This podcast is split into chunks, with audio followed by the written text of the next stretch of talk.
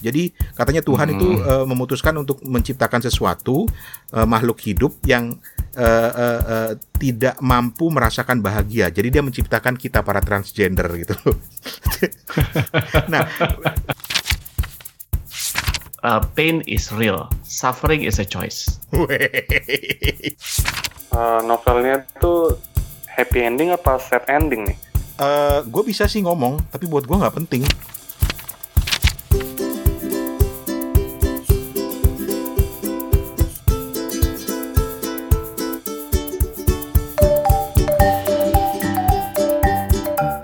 Hey, apa kabar? Assalamualaikum. Ketemu lagi di podcast Kepo Buku bersama gua Rane Hafid dari Bangkok.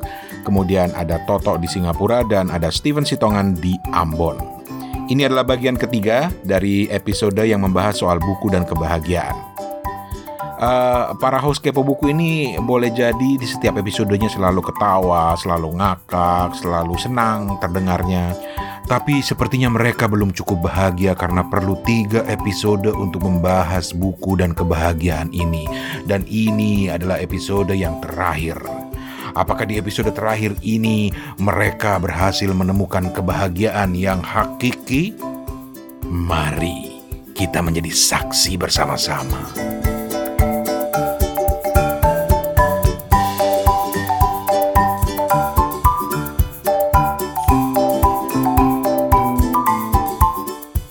Lanjut toh.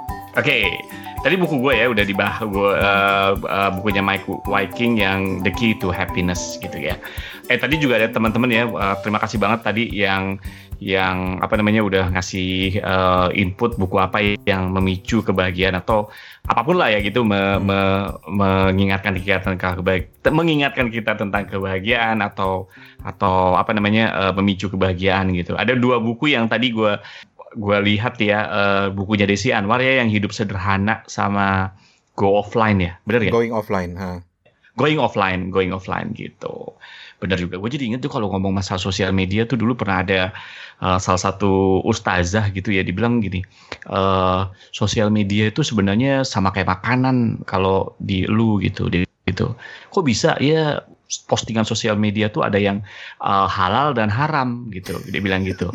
Dia bilang gitu gitu. Tapi menur menurut gue menarik menurut gue menarik. Karena gini kalau haram udah pasti lu harus buang lah ya. Haram hmm. tuh isinya yang hoax lah hmm. Hmm. ngejelek-jelekin orang lah nggak jelas beritanya lu buang gitu. Nah yang halal juga lu bisa pilih lagi. Nah ada postingan-postingan yang yang sama dengan uh, junk food. Dia bilang gitu. Artinya gini sesekali boleh lah gitu lo hmm. lihat tapi hmm. kok terus-terusan nggak sehat juga gitu walaupun itu bisa lo makan gitu hmm. ada juga yang yang ah, kalau di kita gitu ya ada halal dan toyib gitu halal dan baik gitu kan ya hmm. jadi hmm. ya kayak gitu gitu kayak gitu dan gue liatin sekarang gue Instagram gue walaupun gue banyak follow kebanyakan yang gue lihat gue foto-foto kucing sama-sama foto binatang. Kayak lucu-lucu sih gue bilang. Ya mungkin itu membuat kebahagiaan kali. Mungkin ya gitu daripada yang lihat anyway nah sekarang giliran lo Ran. Buku apa yang yang lo bawa kali ini untuk membahas topik kebahagiaan di episode kali ini? Oke okay, ini uh, Arundhati Roy 2017 The Ministry of Utmost Happiness. Oke. Okay. Gua terus terang masih bertanya-tanya kenapa ada kata-kata ministrinya, tapi gue merasa menemukan jawabannya di sini. Jadi apa ya? Utmost happiness itu kan kebahagiaan yang yang yang yang paripurna kalau pakai istilahnya Steven tuh. Hakiki. Kebahagiaan yang hakiki gitu. Oke. Okay. Jadi uh, eh, gue nanti cerita sedikit dengan tentang novelnya, tapi gue mau cerita uh, dulu uh, bagaimana buku ini buat gue relate banget dengan tema kebahagiaan. Walaupun awalnya gue baca bukan karena gue mau mencari kebahagiaan gitu. Jadi mm, yang ada dua hal. Pertama itu secara personal ini ini buku yang bikin gue bahagia beneran. Mm, mm, uh, bahagia bukan karena isi buku itu yang sebenarnya banyak kisah-kisah yang sedih gitu ya bukan. Mm, tapi lebih karena gue seneng bacanya. Gue nikmatin banget bacanya. Jadi gue suka baca buku itu sama seperti gue nonton film. Uh, tapi okay, enggak okay. jadi nggak banyak film yang ngasih gue efek bahagia gitu loh. Hmm. Uh, terakhir gue hari ini nonton dan gue mendapatkan efek bahagia ketika gue nonton uh, Star Trek misalnya yang uh, yang episode ketiga gitu ya. Itu gue bahagia banget gitu. Itu salah satunya. Nah itu sama logikanya dengan yeah. ba baca buku gitu loh. Jadi uh, uh, uh. gue bisa bahagia membaca buku itu kalau uh, uh, gue benar-benar merasa kesedot dengan pengalaman membacanya. Gue nggak tahu istilahnya okay. benar apa enggak gitu ya. Tapi kesedot, kesedot gue terbawa banget sampai jalan ceritanya sendiri. Gue nggak terlalu peduli okay. gitu loh.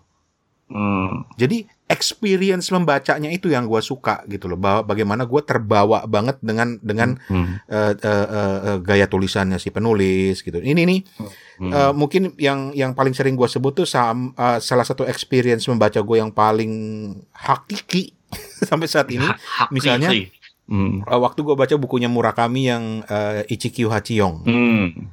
Itu itu gue suka banget. Gue baca itu, gue menikmati pengalaman membacanya karena berasa seolah-olah ada di situ, menelusuri jalan-jalan di Tokyo, duduk di taman-taman mm -hmm. bermain, di di playground-playground gitu di daerah pemukiman, uh, tengah malam, mm -hmm. uh, main ayunan sambil menikmati bulan purnama gitu, terus ngelihat mm -hmm. rumah-rumah atau apartemen di sekeliling gitu kan penggambaran di Ichikyu Hachiyong itu seperti itu kan, salah satu bagian adegan-adegan puncaknya. Nah, gue bisa merasa relate itu. Mm mungkin karena gue uh, relate banget dengan Jepang khususnya dengan Tokyo mungkin gitu ya tapi uh, gue suka banget bahagia banget gue membacanya memicu rasa yang yang bahagia nanti penafsiran bahagia itu ya beda-beda ya tapi subjektif ha. tapi menariknya uh, hmm. bukunya Arundhati Roy ini membawa efek yang sama buat gue toh Fun oh oke okay, oke okay uh, gue menemukan sensasi yang sama padahal gue nggak relate dengan India gue nggak tahu India sama sekali gitu oke okay, oke okay. nah itu poin yang yang kedua yang gue mau cerita dari buku ini yaitu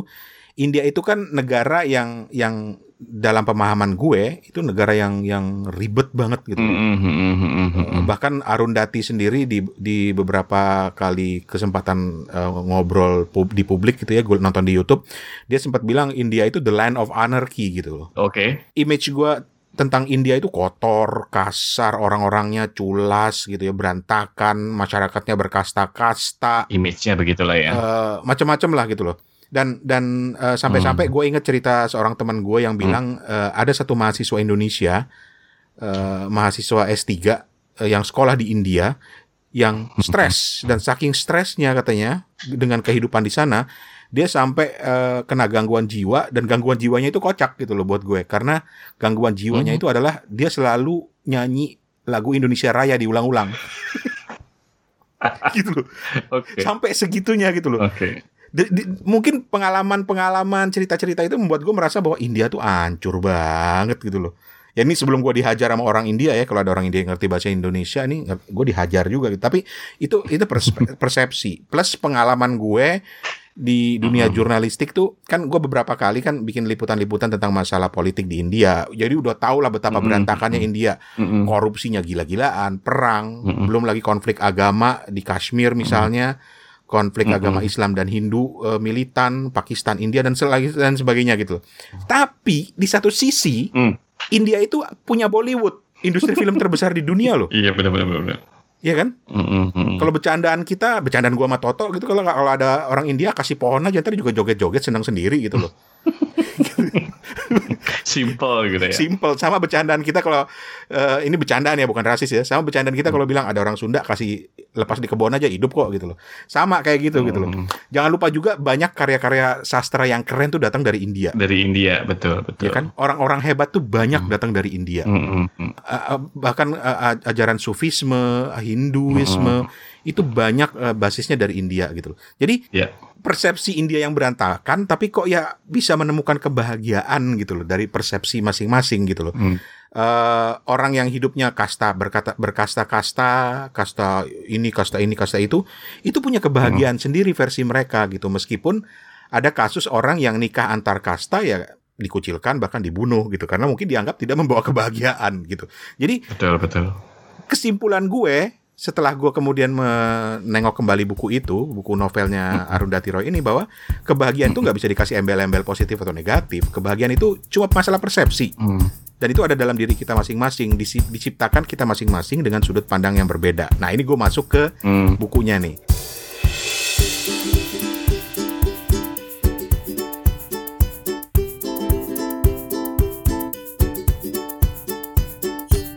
Jadi buku hmm. Arundhati Roy ini kan cerita tentang uh, apa ya? Yang banyak banget tokohnya jalinan ceritanya ribet banget gitu ya. Ah, Eh, sehingga mencari sentralnya itu nggak mudah gitu. Tapi kurang lebih mm, mm, mm. eh, dia bercerita tentang eh, kehidupan eh, di suatu masa di India eh, Mm. di era-era konflik gitu di Kashmir. Mm, Terus ada tokoh-tokohnya yang menarik. Tokohnya tuh banyak banget sampai pusing gue beneran. Gitu. Tapi ada salah satu tokoh sentral yang gue suka dari novelnya Arundhati Roy ini. Ya. Eh, dia ini transgender. Oh, siapa dia? Namanya itu dia lahir sebagai Aftab, tapi kemudian dia dikenal dengan nama Anjum eh, tokohnya. Dan lucunya dia ini mengelola guest house atau penginapan yang oh oh si si Anjum ini Muslim ya. Jadi dia dia mengelola guest house atau penginapan yang namanya Jannat. Oke. Kalau oke. Toto tahu kan itu Dia malah major karakter ya di di di novel ini ya. salah satu major karakternya. Jadi dia mengelola sebuah pe- penginapan yang namanya Jannat. Jannat itu kan surga dalam bahasa Arab kan. Mm, mm, mm, Iya kan? mm, mm, mm. Tapi guest house ini itu ada di daerah kuburan, Hah?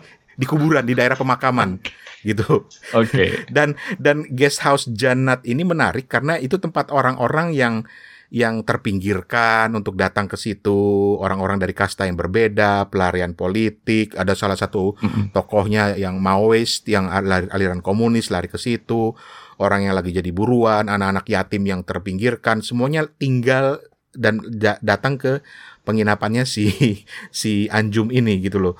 Eh, dan kemudian dari situ banyak yang menduga termasuk gue yang menduga bahwa sebenarnya penginapannya si Anjum ini adalah utmost Mhm. happiness itu gitu loh. Oh. Karena Oke. segala macam persoalan muncul orang yang banyak macam persoalan ngumpul di situ gitu loh. Di di situ ya. Oke. Ah, ah, gitu. Terus Anjum itu udah transgender, muslim, Mm-mm. udah muslim, Syiah pula. Gitu. ini ini Arundhati Roy sendiri loh yang cerita loh. Jadi udah numpuk-numpuk masalahnya. Tapi dalam banyak cerita dia digambarkan bagaimana itu justru membawa manfaat buat dia. Misalnya dia pernah terjebak konflik eh, muslim eh, lawan Hindu gitu ya. Tapi dia lolos karena dia transgender gitu. Oh, malah. Oke. Karena just transgender itu di India itu sama kayak eh, budaya Bugis punya tempat tersendiri gitu loh. Dianggap Hmm. sebagai jenis kelamin ketiga gitu dan itu dianggap sebagai orang yang yang yang suci sama seperti di kepercayaan Yunani bahwa orang yang transgender itu sebenarnya mewakili sifat manusia yang paling sempurna kurang lebih gitulah gitu ya. Tapi Oke, oke. tapi eh, cerita lengkapnya lu harus baca sih dan eh, lu harus ngerti eh, konteks India dulu. Kalau enggak lu harus baca pelan-pelan untuk bisa memahaminya. Tapi ada Mm, satu mm, mm, mm. eh, eh, tokoh transgender temannya si Anjum dan ini banyak dikutip di mana-mana dari buku itu. Dia bilang gini nih. Do you know why God made hijras? Nah, hijras itu ini juga menarik nih. Hijras itu adalah istilah India untuk transgender. Ah, oke, oke. Menariknya kenapa dibilang hijrah ya? gitu. Gue nggak tahu apa udah hubungannya ada dengan bahasa Arab hijrah gue nggak tahu. Tapi Mm, eh, jadi ada ada satu bagian yang paling terkenal dari novel ini ketika eh, dua dua tokoh transgender itu ngobrol. Nah si Anjum ini ngobrol dengan temennya, temennya bilang, lu kenapa tuh tahu nggak sih kenapa Tuhan itu menciptakan transgender atau hijrah? Dibilang gitu. Mm. Terus dia bilang karena itu adalah eksperimen. Hah? Jadi bahasa Inggrisnya it's an experiment. He decided to create something, a living creature that is incapable of happiness. So he made us. Jadi kurang lebih dia bilang ini eh, sebuah eksperimen. Jadi katanya Tuhan itu eh, memutuskan untuk menciptakan sesuatu eh, makhluk hidup yang eh, eh, eh, tidak mampu merasakan bahagia. Jadi dia menciptakan kita para transgender gitu. nah uniknya entah kenapa gue jadi menemukan eh, eh, kebahagiaan sama si temennya si Anjum ini gitu loh. Kebahagiaan itu muncul ketika kita udah nggak peduli lagi Hmm. dengan kebahagiaan atau menerima kebahagiaan itu apa adanya gitu. Oke, oke, oke. Menerima, menerima menerima. hidup apa adanya gitu. Mm, mm. Buat gue itu ketika lu menerima hidup apa adanya itu udah bahagia gitu loh. Jadi jadi itu itu penafsiran gue dan eh, kembali ke bukunya tadi secara umum bukunya ini ribet banget, banyak banget tokohnya, backgroundnya macem-macem. Eh, kelihatan banget si Arundhati ini pengen masukin unsur-unsur sosial politik gitu ya. Mm, Bahkan di situ ada tokoh utama yang lain namanya Tilo yang adalah gambaran dia sendiri sebetulnya gitu. ya buat gue sih nikmatin aja bukunya uh, seperti gue menikmati pengalaman membacanya gitu ya uh, hmm. Dan dan yang satu yang gue salut dari Arundati kembali ke bukunya Toto tadi ketika bicara soal uang Arundati ini hmm. uh, royalti bukunya dia kasih ke orang lain loh Oh, itu yang gue baca. Dia kasih buat lembaga apa gitu untuk membantu sesama. Karena dia ini seorang aktivis tulen gitu di India. Uh, mm-hmm. Dan kalau dari sisi profesinya, Arundhati Roy itu menarik karena ada satu lagi cerita behind the scene-nya bahwa ketika dia memutuskan untuk mau menerima penerbit yang mana mm-hmm. untuk menerbitkan bukunya ini, novelnya yang ini, dia bilang sama si penerbitnya itu, "Entar dulu ya, gue minta waktu, gue mau konsultasi sama tokoh-tokoh di novel gue." Mm-hmm. gitu. Jadi dia benar-benar terlibat banget di di tokoh di novel itu. Nah, kembali kepada kebahagiaan tadi yaitu kepercaya eh, eh, ke, eh, keyakinan gue dua hal itu bahwa gue bahagia ketika membaca ini karena pengalaman membacanya yang kedua gue menemukan bahwa eh, kebahagiaan menurut penafsiran gue dari novel ini adalah ketika hmm. ya udah lu nggak peduli lagi itu lu menerima apa adanya aja gitu hmm. nggak usah mikir bahagia itu apa nggak usah mikir hidup kita susah apa enggak gitu loh ada salah satu dialog di sini yang bilang apa sih yang bikin orang gak bahagia? Hmm. Harga-harga naik, uh, suami yang mukulin istrinya, atau istri yang berselingkuh, hmm, okay. atau kerusuhan antar agama gitu. Mungkin itu buat orang lain, tapi buat saya, dia dia dalam konteks dia sebagai transgender, buat saya -hmm. itu itu semua udah ada di dalam diri kita gitu loh. Ya udahlah, jalanin aja apa adanya. Itu penafsiran gue gitu pasrah. Nerimo, nerimo. Nerimo itu kan menurut gue konsepnya bukan pasrah. Iya, ya udah. Nih, nerimo itu sebenarnya ikhlas. Ikhlas, jalanin aja gitu. Kalau pasrah itu kesannya masih masih ya udahlah. Nyerah lah gitu. Kalau ikhlas itu kan legowo. ya, betul, betul, betul. Kok berat ya obrolan Jadi, kita kali ini ya? Iya berat loh gitu. Jadi jadi ya ya itu deh nerimo gitu ya. Hmm. Apa namanya uh, uh, ya udah terima aja tapi terus kita tetap jalanin gitu. Kalau pasrah kan mungkin lebih ke arah nyerah gitu ya. Kalau nah. ini enggak nerimo tuh ya udah jalanin aja gitu. Kalau emang berhasil ya berhasil, kalau enggak enggak gitu bisa kayak gitu kan. Tapi ya udah Iya sih, menurut gue sih gitu. Gue pernah baca buku mungkin kapan-kapan akan kita bahas di Art of Surrender. Gue lupa pengarangnya siapa. Hmm. Dia ada satu quote yang menarik menurut gue gitu. Uh, hubungannya sama mental health sama happiness. Dia bilang gini, salah satu quote-nya ya yang menurut gue uh, kena banget gitu adalah uh, uh, pain is uh, pain is real, suffering is a choice. Pain is real. Jadi kalau hubungan sama yang misalnya lu suka dengan self helpnya Anthony Robbins gitu kan, hmm. pada dasarnya konsepnya sama hmm. bahwa oh yang menyebabkan lu tuh uh, marah, menyebabkan atau mungkin uh, marah, uh, sedih, happy nggak happy gitu, bukan keadaannya gitu. Karena orang dengan keadaan yang sama uh, uh, bisa beda kok. Jadi yang penting itu adalah bagaimana lu nanggepinnya gitu. Mungkin kayak gitu ya konsepnya sama seperti itu kan. Dia bilang uh, lu, lu ya kayak gitu-gitu kan emang udah ada gitu ya. Tinggal lu gua sih udah okay. tak yang nerimo aja udah gitu. Iya kan? Bisa jadi. Ya orang lu di... bisa jadi. Mm. Kalau mm. kalau balik ke konteks novel The Ministry of Utmost Happiness-nya Arundhati Roy ini, mm -hmm. itu kan sebenarnya dark banget sih menurut gue karena dia itu kan bercerita tentang kehidupan banyak tokoh-tokoh di novel itu dan bagaimana mereka melewati uh, salah satu masa-masa yang paling kelam, paling gelap dalam sejarah uh, India. Mm -hmm. Mulai dari kerusuhan atau masalah di Kashmir, kemudian juga soal masalah transgender, masalah pemberontakan, pokoknya macam-macam gitu loh. Tetapi justru itu itu uh, jadi melihat bagaimana setiap tokoh-tokohnya ini menafsirkan kebahagiaan, termasuk yang utmost happiness tadi menurut gue ketika si transgender ini menafsirkan kebahagiaan itu. Uh, novelnya itu happy ending apa sad ending nih? Aduh, oh yang yang Arundhati Roy tadi. Iya.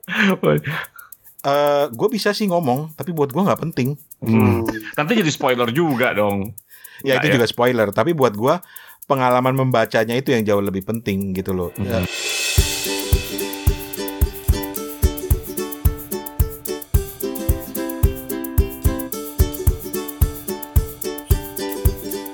Luar biasa ya obrolan kita ya. Kali ini serius. Mantap.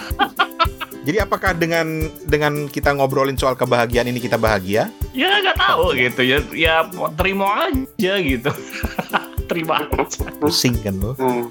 Pusing kan lo? Hmm. karena gue karena gue kalau mau balik lagi ke buku ya lu tadi mungkin tanya lu tadi tanya Steven kalau gue lu tanya tok buku apa yang menyebabkan lu bahagia Oh iya iya. Iya kan Ah. gue bingung jawabnya tapi gue tahu bahwa ada bu eh, buku yang jelas memuaskan eh, keinginan tawan gue gitu. Itu buku yang eh, tapi rata-rata buku seperti itu ya. Pertama itu buku yang memuaskan rasa keinginan tawan gue kedua buku yang menciptakan gue eh, menimbulkan aha moment gitu. Aha moment tuh oh gitu tuh gitu.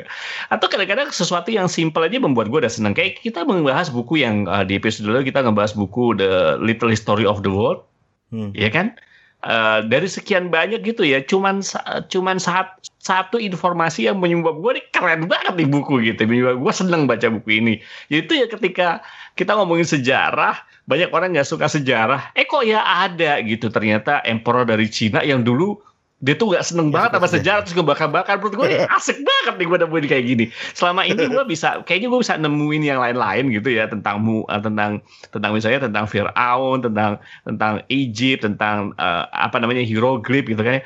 yang ini gue belum Hmm. nemuin ini. Lucu nih sampai gue quote gitu. Jadi kalau ada orang yang gak suka sejarah dan itu sering gue temuin gue akan bilang lu jangan-jangan masih ada hubungan lu titihan si emperor dari Cina si siapa dulu namanya eh siapa gue juga lupa. Bentar gue inget-inget dulu.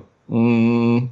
oh eh si Huang Ti si Huang Ti si, Si Huang- si Huang Ti Nah itu, jadi kalau lu tanya buku apa yang menyebabkan bahagia, ya, ya, ya semua buku mungkin kalau gue boleh bilang menyebabkan gue ya suka aja setelah baca gitu. Minimal menimbulkan rasa oh begitu ya. Atau apalagi sampai eh aha momen sampai jerit nih orang keren banget ya gitu Hmm. ya kan Gimana Van kalau lo Van? Hmm. Kalau kayak Apa? gitu berarti Hmm. ada ada ini ada ada kriteria-kriteria tertentu, tertentu kalau misalnya mau ngasih buku ke Mas Toto nih harus cari yang agak bizar gitu ya. bizar pemilihan katanya bisa. Ya yang penting yang penting dulu kita gak baca buku. Aja nih bukunya keren banget nih. Bisa bisa. Hmm. oh begini gitu. Dan dan itu nggak harus the whole book kalau menurut gue selama ini gue baca buku satu paragraf bahkan sekalimat dua kalimat. Kayak tadi buku yang tadi gue bilang Art of Surrender tadi. Pengarangnya gue lupa. Kapan-kapan kita bahas bukunya agak tebal dia dia juga ada hubungan dengan mental health. Itu cuma satu kata yang menurut gue asik banget di buku. Akhirnya gue terus ngebaca gitu. Gue belum selesai sih. Yang dia bilang keren nih gue tahu konsepnya tapi dia mem- memberikan quote yang tadi bilang dia dia bilang pain is real but suffering is an option menurut gue keren banget Ezik, ezik. keren banget itu Dan kalau kembali kalau kembali ke buku, gue pribadi eh, merasa bahwa salah satu tempat gue pergi untuk mendapatkan kebahagiaan atau ketenangan hidup gitu adalah Mm-mm. buku sama seperti yang Steven bilang tadi gitu yang Toto juga bilang. Da- tapi masalahnya eh, nggak setiap buku memberikan gue sensasi yang sama gitu loh. Karena gue Mm, termasuk mm. orang yang yang suka membaca itu lebih dari sekedar pengen tahu cerita atau mendapatkan pengetahuan. Tetapi Mm, mm, membaca buat gue adalah ketika gue merasa ya itu pakai istilah gue tadi. Gue bisa kesedot masuk ke bukunya. Dan itu udah bikin gue bahagia banget walaupun mungkin buku itu bercerita tentang sesuatu yang kelam. Jadi kayak The Ministry of Utmost Happiness ini satu bulan lebih mungkin habis eh, waktu bagi gue untuk membaca gitu loh. Karena gue Mm. menikmati sedikit demi sedikit ceritanya, Alurnya. jalinan alurnya, eh, dan setiap kali kayak apa ya, kayak mau nonton film gitu loh. Bahwa setelah selesai menutup bukunya itu gue merasa, ah gila, gue baru jalan-jalan ke India gitu. Keren keren. keren. gitu sih itu sih perasaan yang perasaan buat yang gue ini ini lagi-lagi oh, subjektif tapi buat gue Mm-mm. lebih penting ketimbang mendapatkan pengetahuan atau cerita dari buku itu gitu loh Mm, mm, mm, mm, mm, mm, mm. agak Oke. aneh mungkin tapi ya begitulah Oke. Jadi itulah tadi buku-buku yang kita bahas ya. Kita dari kita bertiga, eh gue, eh, Steven, sama Rani. Tiga buku ini juga tadi teman-teman udah kasih ya. Jadi udah banyak ya. Kayaknya ada berapa orang turan kalau di total? Mungkin ada lebih dari 15-an orang ya kali ya. Atau Iya, ya iya, sekitar, lebih lah lah ya. Thank you banget udah Hmm. ambil masukannya. Mungkin ada beberapa buku nanti kapan-kapan kita bahas juga gitu ya. Dari inputan-inputan yang tadi gitu. Kayaknya asik banget gitu. Oke. dan dan yang lebih bikin lagi kita bahagia adalah kalau ini kebahagiaan kita bertiga ya, Mm-mm. adalah ketika eh, teman-teman yang eh, dengar episode ini Mm-mm. terus kemudian nyaut di Instagram Mm-mm. atau kirim email atau kirim WhatsApp dan cerita pengalaman mereka mendengarkan ini dan merasa mendapatkan sesuatu. Waduh, gila bahagia banget itu rasanya itu. Betul betul. Berarti kita didengerin gitu kan. Didengerin jadi bukan cuma kita bertiga yang ngomong gitu. Kita ngomong rekaman sendiri kita sendiri dengerin gitu. Jangan sampai gitu ya. Oke, oke. Dan kayaknya sampai sekian dulu ya Ran ya eh, episode kita kali ini. Terima kasih banget buat Steven sama Rane udah ngasih kesempatan buat gua buat nge-host apa sih? eh, sejak kapan lu jadi sopan begitu? Oh iya kan sekali-sekali kita sopan gitu kan. Oh, Tapi iya, sebelum kita iya. tutup, eh, eh, tadi gue bilang terima kasih buat atensi teman-teman tadi udah ngasih eh, inputan dan kita juga lebih ber- berbahagia, enggak lebih berbahagia tuh sama-sama bahagianya kalau teman-teman juga eh, eh, apa namanya menyambangi apa karya karsa kita ya Rand ya. itu bonus buat kita. Jadi Itu bonus buat teman-teman kita. nyaut Mm-mm. di atau memberikan tanggapan terhadap eh, acara kepo buku tuh kita bahagia. Tapi Mm-mm. kalau bonusnya adalah ke- kalau teman-teman mau ikut nyeleng Mm-mm. di karyakarsa.com garis miring kepo buku Betul. itu adalah sebuah inisiatif bagi kita untuk bagaimana supaya teman-teman pendengar juga bisa ikutan Mm-mm. eh, eh, memberikan dukungan kepada acara ini Betul. eh, yang nanti kita bisa pakai buat eh, nerusin hosting eh, kepo buku, Buku. hosting websitenya Mm-mm. dan juga ngirim hadiah-hadiah buku buat teman-teman pendengar gitu. betul. Sedap. Sedap kan gitu. Oke, Kalau- Saya emang dah. Oke. Kalau gitu kita sudahi episode kali ini. Terima kasih banget udah dengerin eh, ngikutin eh, episode kita kali ini. Sampai ketemu lagi di edisi Kepo Buku yang akan datang. Stay tune Dan teruslah berbahagia. dan Alah. teruslah berbahagia. Oke, thank you Ran, thank you Stephen. Thank you. Bye.